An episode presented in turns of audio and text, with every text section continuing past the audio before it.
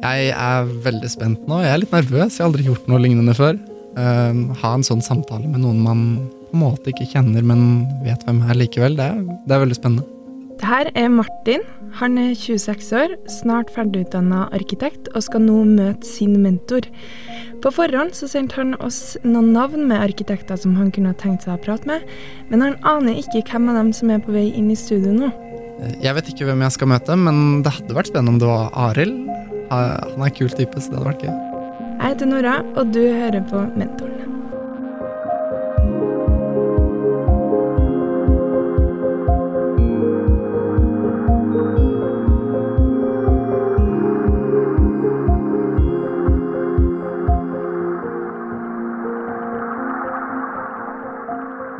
Hallo. Hei, så hyggelig. Nei, Martin heter jeg. Martin Tosten. Arild. Hei. Trivelig.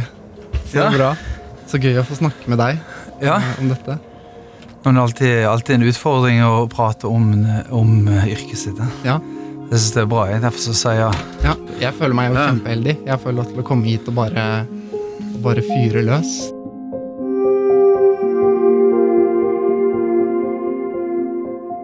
Jeg heter Martin Tosterud. Eh, Jeg studerer på Arkitekthøgskolen. Um, Jeg gjør diplomprosjektet mitt nå. Det vil si at eh, jeg har studert fem og et halvt år. Så jeg er veldig snart ferdig. Mm. Jeg skal snart liksom tre ut i denne store, skumle verden. Jeg heter eh, Arild Eriksen og driver et kontor som heter Fragment. Før så drev jeg et kontor som heter Eriksen Sky og Arkitekter. Mm. Så vi holdt på, jeg holdt på i litt rundt ti år på egen hånd. Så har jeg jobbet hos annet Kristin Jarmund, arkitekter tidligere. Det, det som jeg syns er veldig gøy med å få lov til å snakke med deg, er at jeg føler den praksisen du har hatt, og som du har hatt sammen med Joakim, er en sånn type Det er jo en bedrift som, som kom inn i på en måte min bevissthet veldig tidlig i studiet. Og jeg følte ganske tidlig at dere, øh, og du nå, da, driver med en type arkitektur som jeg syns var veldig spennende, som handlet om noe mer enn det å, å bare lage, lage hus, mm, og bare lage bygninger, men som handlet om, om noe større, som handlet mer om mennesker. Eh, og, det, og det har jeg også lyst til å, å drive med, så da syns jeg det er veldig gøy å få lov til å snakke med deg om det. Eh, Men var det noe som du tenkte på helt fra starten, på en måte, når du begynte? Nei, jeg tror, jeg tror det var noe som vi, vi drev litt ut i. Jeg, eh, fra da jeg var veldig ung i Bergen på slutten av 80-tallet, så var vi engasjert i sånn type boligaktivisme. eh, Og jeg har også vært veldig dypt inn i sånn type punk, hardcore musikk. eh, Og i forhold til liksom aktivisme, og spesielt boligaktivisme, så henger det veldig tett sammen med det. Så når vi begynte med Eriksen Skayo, så begynte vi som, som litt formgivende arkitekter, og gjorde arkitektkonkurranser og, og jobbet mest med, med arkitektur og bygningsutvikling. Og så etter hvert så begynte vi å jobbe litt med, med Vi tenkte at vi hadde lyst til å lage noen publikasjoner, så vi gjorde et magasin som heter Pollen, meg og Joakim, som handlet om om husokkupanter som bygningsverner. Det vil si at de fant eh, tomme hus som sto forfalt, de gikk inn i disse tomme husene og tok de i bruk og satte fokus på de. Og Fra derfra så eskalerte det, vil si, og da begynte vi å se etter stadig nye vinklinger i den retningen. Og spesielt eh, så vil jeg si at det utvikles en, en tanke om at beboere og innbyggere sjøl var like god stand til å ta avgjørelser om det bygde miljøet som arkitekter og utvikler og andre. Da. Så det var litt sånn tanken som egentlig har liksom styrt nesten alt vi holder på med, helt, helt nå til jeg holder på med en kartverktøy for sanking i byen, så mener jeg at, at, eh, at det perspektivet har styrt eh, hele retningen. Men har du, noen, har, du, har du gjort noe før studiene, eller kommer du rett fra videregående? Jeg jobbet som fotograf før, Mm. og så tenkte jeg at jeg skulle bli fotograf egentlig ganske lenge, som bestefaren min. Men så kom det et punkt der jeg så at eh, det var veldig mange som sluttet når de bikka 40 eller 50 eller noe sånt, så lurte jeg på hvor i alle dager blir de av? Og det skremte meg litt. og, så, og, og da hadde jeg begynt med fotografi som en ren sånn et, et lidenskapelig prosjekt. Jeg gjorde det bare fordi jeg var gira på det. Mm. Så satte jeg meg ned så skrev jeg en liste. Det høres helt uh, utrolig rart ut, men så skrev jeg en liste over hva var det jeg likte med den jobben nå, hva var det jeg ikke likte. Mm. Og da fant jeg ut at jeg likte å gjøre ting som varer. Jeg likte å lage bøker, eksempel. Mm. Og jeg likte å jobbe med mennesker, i team. Mm. Eh, Jeg likte å være kreativ, men jeg likte også å være litt analytisk. Og så lagde jeg en liste med yrker som hadde disse liksom, tingene ved seg, og så bare søkte jeg. Hvilken andre yrke enn arkitekt kom du til? Jeg eh, husker ikke, jeg søkte ingen andre. Jeg Nei. søkte bare det. Ja. Men, men så føler jeg liksom Nå er jeg veldig fornøyd. Jeg trives godt med det. Jeg gleder meg til å begynne å jobbe. Ja, for Jeg hadde ingen idé om at jeg skulle bli arkitekt. Nei. Nesten noen gang. Jeg tror jeg søkte nesten ved en tilfeldighet. Men på Bergen så må du nødt til å dra ut til skolen og hente søknadsskjema og skrive en tekst, og du skal ut på personlig intervju. Så det var en, måte en sånn personlig prosess. måte. Men før det så drev jeg Jobbet litt i plateselskap, jobbet litt som kokk på en liksom Hare Krishna-drevet eh, vegetarrestaurant i Bergen. Eh, så jeg hadde litt sånn drev mitt eget lille plateselskap som ga ut syv tommer av vinyl. Selvfølgelig ikke som jeg kunne leve noen, noen ting av, men at hadde liksom den type litt sånn flyktig tilværelse. Tok kunsthistorie grunnfag. Filosofisk estetikk på Universitetet i Bergen. Masse sånne ting som, som, som peker i bare én retning. Evighetsstudent. måte, Men, og, og ble veldig glad når jeg skjønte at det gikk an å ta et profesjonsstudie som, som ikke skiller seg så veldig mye fra en sånn type snekkerutdannelse. Du går noen år, og så blir du ferdig med et fag. på en måte. Mm. Det syns jeg var veldig fint, og det tenker jeg fremdeles var en veldig sånn Det var et veldig klokt valg av meg, som ikke har, har, vært, liksom, har tatt så mye sånne, sånne type kloke valg i mitt liv. Ja, det var en ting jeg syns også var fint med det. Ja. Et eller annet, det var noe håndfast med det. Man ble arkitekt til slutt. Akkurat som jeg tenkte at jeg skulle bli fotograf til å begynne med. Ja. Ja, Men, men eh, hva var den første jobben du fikk når du var ferdig med skolen? Jeg jobbet på et sted som heter Griff arkitektur i Fredrikstad, mm. som var dødsspennende. Vi kom til første dag på jobb, så gikk jeg ut, og det var en, en, et stort hull i bakken hvor de var begynt å fundamentere og støpe. Eh, Så det var egentlig en veldig sånn brå start. Og Griff er jo et firma som er veldig opptatt av byen rundt seg, og, og har en sånn tydelig stemme i byen. Så har de kanskje litt andre perspektiver enn det som, vi, som jeg har fått etter hvert. Men vi har fremdeles god kontakt, og jeg følger litt med på hva de driver med. Mm. Jeg, jeg drømmer jo om å starte et kontor en eller annen gang, som jeg tror veldig mange gjør. Um, og da er det jo en stor diskusjon på skolen. Når skal man gjøre det? Skal man gjøre det med en gang? Skal man tørre å ta den sjansen? Eller skal man begynne et annet sted og få erfaring først? Hva, tenkte du om det da? Hadde du lyst til å starte et eget kontor da? Eller var det noe som kom senere? Nei, det kom mye senere. Ja. og det var litt sånn at uh, meg og Joakim vi gjorde en del arkitekt... uh, Vi gjorde blant annet litt arkitektkonkurranse, og vi jobbet litt uh, sammen i, på slutten av studiene. Og vi tenkte vel kanskje at vi skulle starte et kontor og, sammen. Eh, Og så flyttet han til England, og jeg begynte å jobbe på forskjellige arkitektkontorer. Eh, Og så, når han flyttet tilbake igjen, da, så begynte vi å jobbe litt sånn, satt på et loft borte i Møllergata og jobbet tre- to-tre kvelder i uken sammen. Og Jeg tror at den erfaringen vi gjorde med disse arkitektkontorene, hadde enormt mye å si. For eh, både eh, For at vi var litt sånn modne og turte å velge en retning osv. Men så kan du si at, eh, at at Håkon Åserød og Erlend Lakse Haftner, som startet Fantastic Norway, de gikk jo rett fra studiene og startet kontor, og fikk også en veldig tydelig retning og et fokus. Så jeg tror ikke det er noen spesielt sånn eh, jeg, jeg tror ikke det finnes noen rett eller gal måte å gjøre det på. Jeg tror man må bare gripe muligheten når den byr seg. Og vi vant jo denne Europan-konkurransen på Haugerud og Trosterud, og da satte jo vi i gang nærmest med det samme. Da hadde vi en sum, vi startet aksjeselskap og kjøpte maskiner og var i gang. på en måte. Veldig spennende. Det, det virker jo veldig spennende, men også veldig skremmende. Det å bare kaste seg ut i dette og ikke vite, vite hvor det skal, men kanskje nettopp det å da gjøre en slags sånn deling hvor man har noen prosent av en stilling ved siden av, så Ja. gjør man. Men så er det også sånn eh, for arkitekter at det går an også å være en arkitekt som gjør småjobber, og, og kanskje sikter mot noe større underveis også. Og vi eh, meldte oss jo ganske tidlig inn i sånt mitt anbud, og, og, og fikk om ikke mange jobber, så fikk vi en del sånne småjobber. En, en søknad, en rammesøknad her, og et tilbygg der, og 20 000 hver jobb. Det var jo fall, i fallby og tjenester, men samtidig så klarte vi også å, å, å skape oss en sånn bunnlinje som gjorde at vi kunne drive det firmaet underveis, og så begynte vi etter hvert å, å samarbeide med andre. Vi samarbeidet med Bjørbekk Lindheim, landskapsarkitekter, ganske tidlig, eh, som jeg hadde, et, eh, som jeg hadde samarbeidet med før gjennom Kristin Jarmen. Og det gjorde jo også at vi fikk erfarne folk å støtte oss til, og, og, og, det var jo på en måte noen av de første litt store jobbene vi gjorde, og så bygget vi videre på det.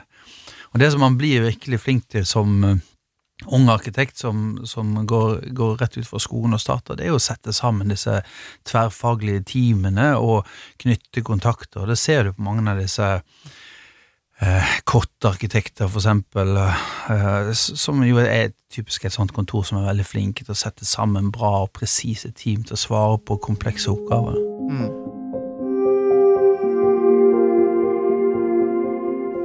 Jeg hadde lyst egentlig bare til å hoppe inn i eh, et tema, et litt tungt tema som jeg er interessert i å snakke med nettopp deg om, som, som handler om hvordan balanserer man um, hva skal vi si, kompromissløshet og gjennomføringsevne. Dette tenker jeg er noe du må liksom ha tenkt en del på. Eller sånn idealisme og realisme.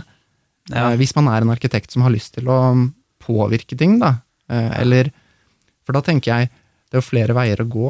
Én vei å gå ville være å, å, være en arkitekt som bygger mye, og som gjennom de bygdeprosjektene prøver å endre ting, eller gjøre bra ting, eller påvirke ting gradvis. Ja. Eller så kunne man vært en mer sånn teoretisk, kanskje, arkitekt, som set, prøver å sette agenda, og som prøver å vise andre måter å gjøre ting på i mer radikal forstand, men da kanskje gjennom prosjekter i andre former. Hva, tenk, hva tenker du om det? Jeg, vet ikke helt hva jeg tenker om det. Jeg, jeg, tror at veldig mange av de arkitektene som, som fokuserer på å bygge og gjennomføre vakre arkitekturprosjekter, de har en stor glede gjennom sin liksom, yrkesutøvelse, dette her og, og jobb, arbeide med material, arbeide med rom, og, og ikke minst selvfølgelig dialogen med, med, den man bygger for underveis osv. Så, videre. så det, det, er nok en helt egen type praksis. Og så har du i helt andre enden av skalaen store arkitektkontorer som, som møter oppdragsgiverens behov ved å, å, å tegne effektivt, uh, rimelig, Eh, kjenne til den type prosesser. Så tenker jeg sånn som du sier, litt sånn teoretisk Vi har vel en tanke om at vi har en, en teoretisk uh, vinkling på det vi driver med, men vi har aldri en teoretisk inngang til problemstillingen. Det betyr at vi, vi tegner og arbeider ganske intuitivt og veldig i lag med de kundene som vi har. Og, og de, i de aller fleste Eh, prosesser så, så, forsøker vi å få til gode verkstedsprosesser hvor vi sitter sammen med de vi bygger for, og utvikler både bygg og, og områder i fellesskap. Da.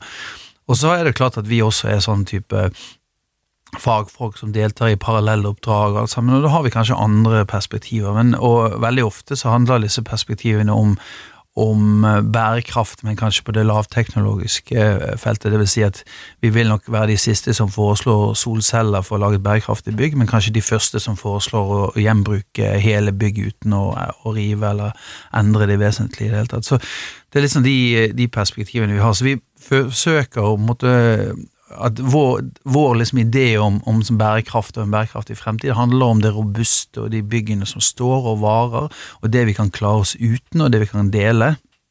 Mm. de perspektivene. Så jeg tenker at det er liksom både du kan si teoretisk, men også veldig praktisk. Når vi, tegn, når vi nå gjorde for, eh, for Nasjonalmuseet til Oslo Arkitekturtriennale, vi lagde en, en, publikasjon som het Hus på vei, som handler om den norske tradisjonen om å flytte huset av alle størrelser, så er det, kan du si at det er en litt sånn teoretisk inngang til bærekraft, men som vi mener også er en veldig praktisk inngang til det. Så jeg tror veldig sjelden så vil vi foreslå en rent teoretisk inngang til det. Jeg, når vi jobbet med Unge kunstneres uh, samfunn uh, for kunstnerboliger på Hasle, så har vi jo bevisst jobbet med en, en, slags åpen bygningsstruktur som folk kan være med og planlegge, og kanskje også være med å bygge inni. Men det er jo, kan jo sies å være teoretisk, men det er jo også en veldig praktisk inngang til det. Mm.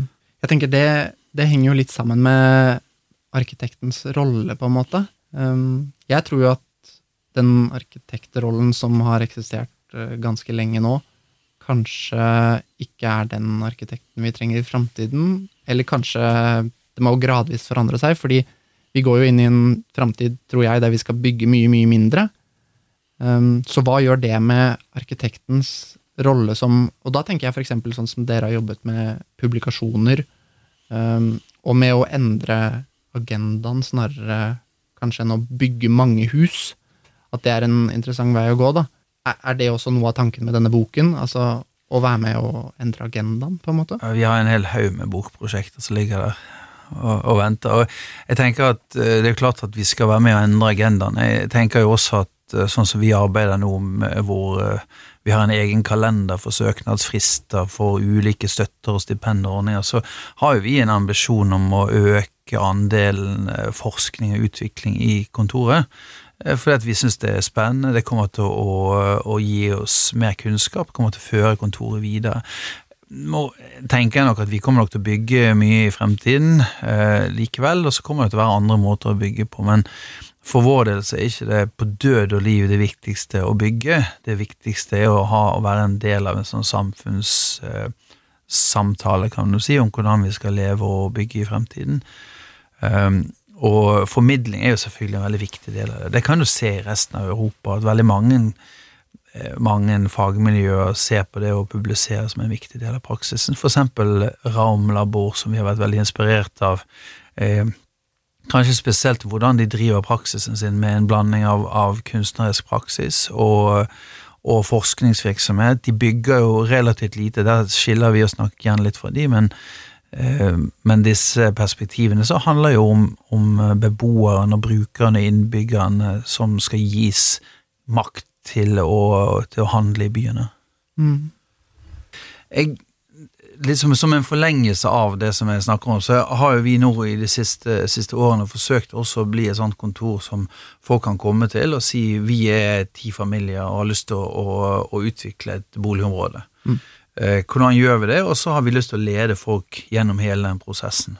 Så Vi har nok egentlig lyst til å bli litt sånn som arkitektene. Når, du kan si når uh, Iktinos og Kallikrates uh, tegnte Parthenon på Akropolis, så var jo de den type arkitekter at de dro ut, de sjekket steinen, de, de betalte folk på steinbruddet, de fraktet det, de fulgte opp arbeiderne, de var med under tilhoggingen, de, de, de plana alt sammen, de gjorde hele prosessen. Og den, Det er nok en arkitektrolle som jeg syns er veldig sånn besnærende og litt vanskelig å gjennomføre nå, men hvis du har det perspektivet på eh, at folk kan gjøre ting sjøl, og at man har lyst til å gi liksom sjølbygger og vanlige folk makt til å, å både bygge husene sine sjøl og bestemme hvordan de skal utformes, mm. så er man liksom litt på vei i den retningen. Det syns jeg er en utrolig liksom, besnærende eh, tanke, som både kanskje gir arkitekten både litt mer sånn makt, men samtidig også gir vanlige folk mye mer makt i den prosessen. Og da kan du tenke deg at i sånn stor skala, i, sånn stor, i bygningsskala, eh, på si bygårdsskala, det er hvis man kan gi folk muligheten til å være med og planlegge hvordan leilighetene ser ut, hva slags eh, lysinnslipp de skal ha, hva slags materialitet, hvordan rommene innvendig skal være, så begynner du å nærme deg en litt, eh, en litt mer en, kanskje en, en, en, bygningsutviklingsverden som handler mindre om investering og mer om deltakelse og varighet. på en måte. Mm. For nå er jo det store problemet at uh, folk kjøper en leilighet, de flytter etter tre år når den har steget nok i pris, og så flytter de til neste sted, og så flytter kanskje ungen ut av barnehage eller skole. Det er, man skaper et sånn rastløst samfunn da, ja. som, ikke, som liksom ikke som jeg ikke føler svarer godt nok på andre utfordringer i samfunnet, som er sånn type midlertidige stillinger og andre sånne ting. Man må liksom forsøke å lage et samfunn som, som eh, stadig mer handler om naboskap og fellesskap, eh, og på den måten også kanskje handler om at folk får et eierskap til bygningene, omgivelsene sine osv. På en måte så føler jeg at det, at det, går jo litt den veien, men så går det jo litt den helt motsatte veien også. Jeg føler som om i mange store arkitektbedrifter så blir jo arkitekten mer og mer bare en liten bit av et stort puslespill med masse sånn veldig spesialiserte profesjoner som gjør veldig små deler. Og så er det, som du snakker om kanskje på helt motsatt siden, så er det arkitektene som nesten like mye er prosessleder og gjør hele greia på en måte og er veldig nære menneskene. Og jeg syns jo den delen av det virker veldig spennende. Og kanskje trenger man begge deler, jeg vet ikke. Men jeg syns den, den, splittelsen er litt Og så virker det som om det blir nesten polarisert. At det blir enten-eller litt, da. Men det er jo Jeg tenker at det er litt sånn en motsetning til sånn som dere holder på på studiene også. Og der, er det, der tenker jeg sånn som jeg, jeg underviste på sånn tett lavt-kurs sammen med Sissel Gromholt. Uh, og det var jo et ekstremt det var jo, Da utviklet man boligområder, og så var man veldig på sånn bygningsnivå. Vi jobbet litt med demografier sammen, men det var, handlet veldig mye om bygningen til slutt. og Det syns jeg kan være en utfordring med mange arkitektskoler. At, uh, at, det handler mer om bygningen enn boligområdet og folkene som skal, skal bo der. Så, så, så, på den måten så tror jeg at det er mange arkitektskoler som hadde hatt godt av å og, og ha, ha, litt mer undervisning fra folk som driver med samfunnsgeografi og, og, og, sosiologi og andre perspektiver. Det tror nok det er mange som gjør, men jeg tror nok den har endret det som virkeligheten som arkitekten befinner seg i. Eh, had, da hadde det gjort arkitekten til en mye sterkere fagperson hvis man hadde mer kunnskap om, om hvordan man skulle ta, ta bydel og, og, offentlighet og samfunn med i vurderingene. Men hvordan opplever du det på skolen? Ja, jeg opplever det helt likt. For det er noe av det jeg gleder meg aller mest til å begynne med når jeg er ferdig, det er jo å møte ekte mennesker og få input i prosjektene mine som ikke er bare meg selv. For det syns jeg ofte er veldig vanskelig.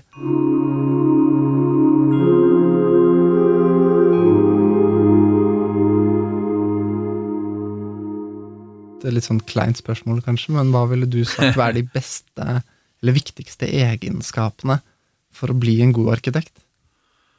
Ja, de, de, de, tre viktigste. Ja, du kan si så mange du vil, men det, men det innebærer jo også at det fins mange ulike arkitekter. da. Ja, ja. Men hva, for å være en arkitekt som deg, hva vil du si liksom, er de viktigste egenskapene for å gjøre den, den jobben du gjør? ja. Jeg, jeg, ville tenkt sånn at empati er ganske viktig. Men det snakkes ikke så mye om. Empati, men jeg, jeg, jeg tror ikke egentlig at jeg drev, drives så veldig mye av empati. Men jeg tror nok jeg drives mye av en sånn type nysgjerrighet. Ja. og og, og, kanskje en litt sånn en litt sånn bevissthet over at, at, Norges lover At det er noen som har skrevet dem, på en måte. At ikke det, at ikke det finnes noen regler i verden som, som, som er riktige, på en måte. Mm. Så det er litt sånn selvfølgelig noen ting som er riktig og, og moralsk rett, ikke, men jeg tenker at, at hvis, man skal, hvis man skal utforske arkitektyrket, så kan ikke man gå rundt og tenke at uh, arkitektur det utvikles av utviklere, og vi er, da, da, er man på en måte på villspor. Da har man startet på dårlig fot. Så. så kanskje den nysgjerrigheten og litt den bevisstheten om at uh, det er vi som skaper vår egen virkelighet, enten det mm. gjelder uh, Norges lover eller, eller, andre ting, så tror jeg det er en sånn bra utgangspunkt. Mm. Men kanskje du kan si noe om hva du har lyst til, hva du vil ha ut av arkitektyrket? Det virker jo som du er en sånn type som tenker mye på det. Ja, jeg tenker mye på det. Eh, men jeg er også mye i tvil om hva jeg vil med det, og jeg er også mye i tvil på, på hvilken vei man burde gå for å få på en måte Jeg vet ikke om gjennomført ting er liksom riktig ord, men mm. føle at man gjør noe viktig, da. Det er en av grunnene til at jeg startet med arkitektur i det hele tatt. At jeg hadde lyst til å gjøre noe som betydde noe, kanskje. Mm. Det er mulig det er en litt sånn selvgod tanke, eller sånn, men, men, men da har jeg perspektiv for deg. For det, jeg, jeg, tenker at vi har jo vi, vi rei, har ikke reist så veldig mye på studietur. Men i fjor så hadde vi en ordentlig sånn Sveits-tur, som alle arkitekter det gjør.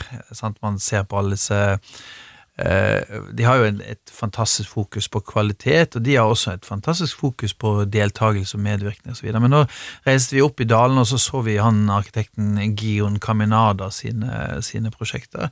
Og da tenkte vi, og han sånn som tegner hovedsakelig i en dal, kanskje i en dal ved siden av, og så er han verdenskjent, og det blir gitt ut monografier om arbeidene hans. Men det perspektivet ser vi veldig lite av i Norge. jeg, ja. vi, vi, eh, meg og Joakim vi lagde en publikasjon til en utstilling som stilte typisk et sånt stort spørsmål hva er fremtidens arkitektur? Og Da sa vi at fremtidens arkitektur er lokal, og så gjorde vi en publikasjon som, eh, som hvor vi hentet frem ett arkitektkontor fra hvert av fylkene som vi syns gjør det som kvalitet. Og Det er perfekt mulig i Norge å drive med samfunnsnyttig arbeid hvor du som arkitekt jobber lokalt, bruk, eh, fokuserer på kanskje, kanskje, man har lyst til å gjøre det radikalt også. Man bruker et lokalt sagbruk, man bruker lokale håndverkere, lokale konsulenter. Jeg synes den største sånn selvmotsigelsen, eller den på en måte hva skal man si, det er ikke selvmotsigelse, det er ikke riktig ord, men jeg tenker i Norge så er alle de store konsulentfirmaene har lyst til å lage bærekraftig arkitektur og, og tegne fantastiske Bream-sertifiserte bygg, men likevel så sitter de seg på flyet og er konsulenter i, på et lite sted, for, for eksempel et lite sted i Lofoten hvor de tegner skolen, og de er konsulenter for skolen, så skal bygges i den lille kommunen. Jeg tenker alle små steder i Norge har helt sikkert gode nok fagfolk til å tegne en skole og få bygget en skole. Kanskje de har et sagbruk, kanskje de har noe stein. Eh, vi, vi har laget en sånn type eh, minivariant av globalisert arkitektur i Norge, som iallfall ikke er en bærekraftig måte å bygge på. Så det tenker jeg at hvis man har lyst til En ting er å lage de store visjonene, en annen ting er å være den lokale håndverkeren som gjør kvalitet. Jeg eh, syns det er en, en vel så bra ambisjon som noe annet. på en måte. Ja, jeg er helt enig.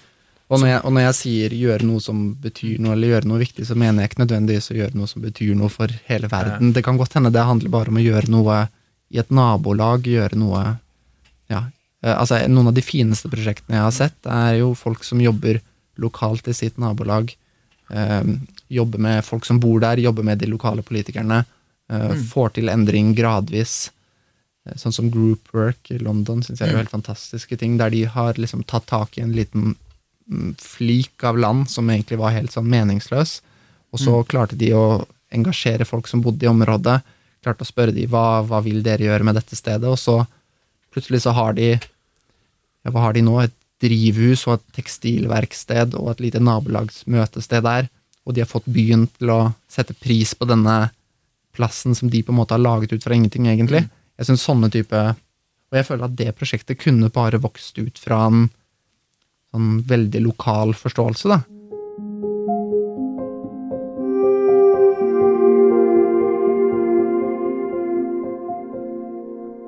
Så et prosjekt jeg gjør nå på skolen, så prøver jeg å Jeg har liksom startet prosjektet med å gå hjem til folk som har bodd i leiligheten sin lenge, og så snakke med de om det stedet de bor, og prøve å forstå ordentlig godt hva det er de liker ved det stedet, og så ta deres ord for det. Men jeg føler at det å gå den veien prøve å gjøre prosjekter som handler om ekte folk, eller hva, hva man skal kalle det, det, det, det, blir ikke akkurat oppfordret til. Det er noe du må på en måte dytte inn på eget initiativ. Og det, det er kanskje litt synd, fordi da, da, blir man opplært til en måte å jobbe på som handler veldig mye om at du må kunne forsvare det, det du har gjort, som et slags sånt rasjonelt argument som bare kommer innenfra. Eh, og, og det syns jeg ofte er ofte føles veldig rart. Mm. Jeg har lyst til å kunne forsvare det med at noen har fortalt meg at det er sånn de har lyst til at det skal være. Um, jeg er veldig opptatt av det her hvordan få folk til å bli boende. Det handler jo både om nabolagsstabilitet, men det handler også om identitet på en eller annen måte, tenker jeg. Det å bo et sted der du føler at det virkelig er ditt, eh, og du føler eierskap til det. Og så vokser sikkert den følelsen utover leiligheten og ut i nabolaget på en eller annen måte. Mm. Hvordan bor du, da? Jeg bor i en leilighet fra 1890. Hvor henne? Eh, på Fagerborg. Ja. Er det et sånt sted hvor du liksom tenker det er ditt og Jeg har bodd der i to år, og jeg tenker ja. at det er mitt, men det er ikke et sted jeg føler noe spesiell sånn Nei. Jeg føler ikke at den bakgården, for eksempel, er min. Uh, og det skulle jeg gjerne gjort. Ja, for jeg bor jo i et veldig, jeg bor i et veldig introvert sted. Eller det vil si, jeg bor i et atriumshus oppe på Ammerud, i Ammerudgrenda. Det er jo et Det er jo vernet og nydelig arkitektur.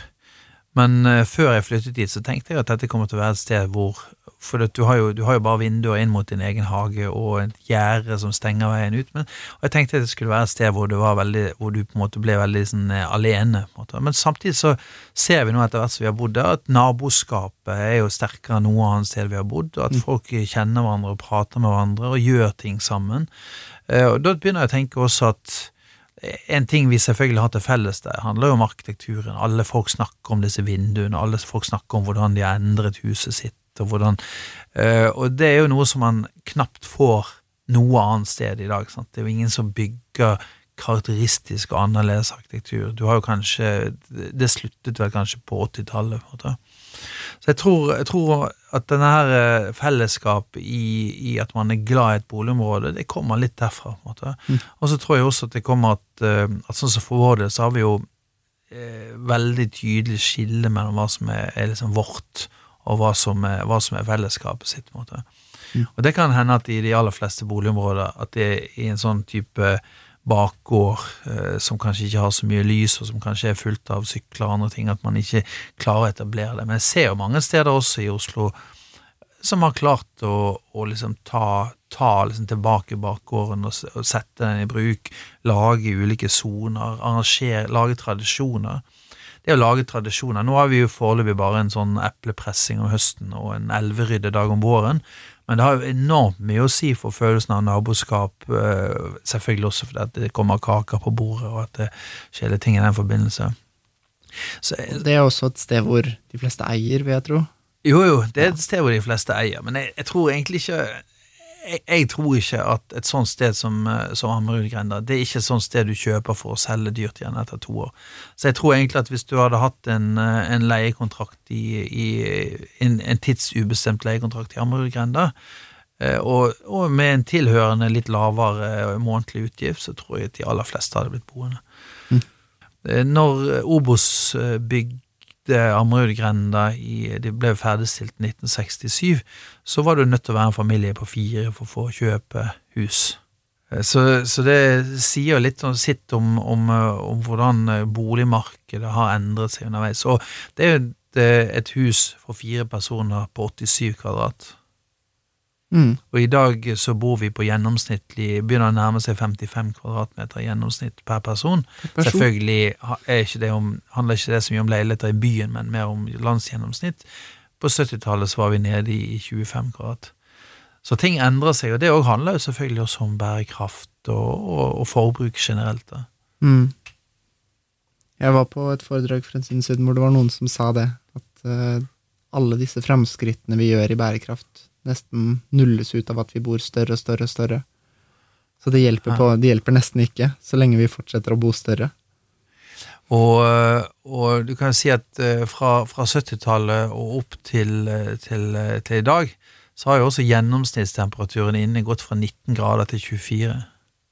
Ja. Så det sier også litt om, om hva slags eh, endring i, i liksom levestandard vi har. på en måte. Det er klart at Tidligere så, så sto jo gjesterommet og finstuen og ting kaldt. Mm. Sant? Og, og det var kanskje bare kjøkkenet og stuen som hadde temperatur. Mm. Men det er jo en sånn type mentalitet mot at vi har råd til det, og jeg husker det på 80-tallet, så husker jeg det var en sånn sinnssyk idé om at du skulle ikke slå av lyset i et rom, for det kostet like mye å, å liksom slå av den bryteren og på igjen i energi i forhold til det å la lyset stå på. Mm. Noe som selvfølgelig ikke var sant, men som var også en sånn type type illustrert liksom hva slags holdning vi hadde til forbruk, som tror jeg i veldig stor grad begynte på 80-tallet, og den type velstandsvekst som vi hadde på den tiden. Og hvis man skulle se stort på det, kanskje også den type markedsderegulering og hu, hu, liksom alt, alt endret seg jo seg til en sånn markeds, markedsstyrt eh, samfunn på den tiden. Mm.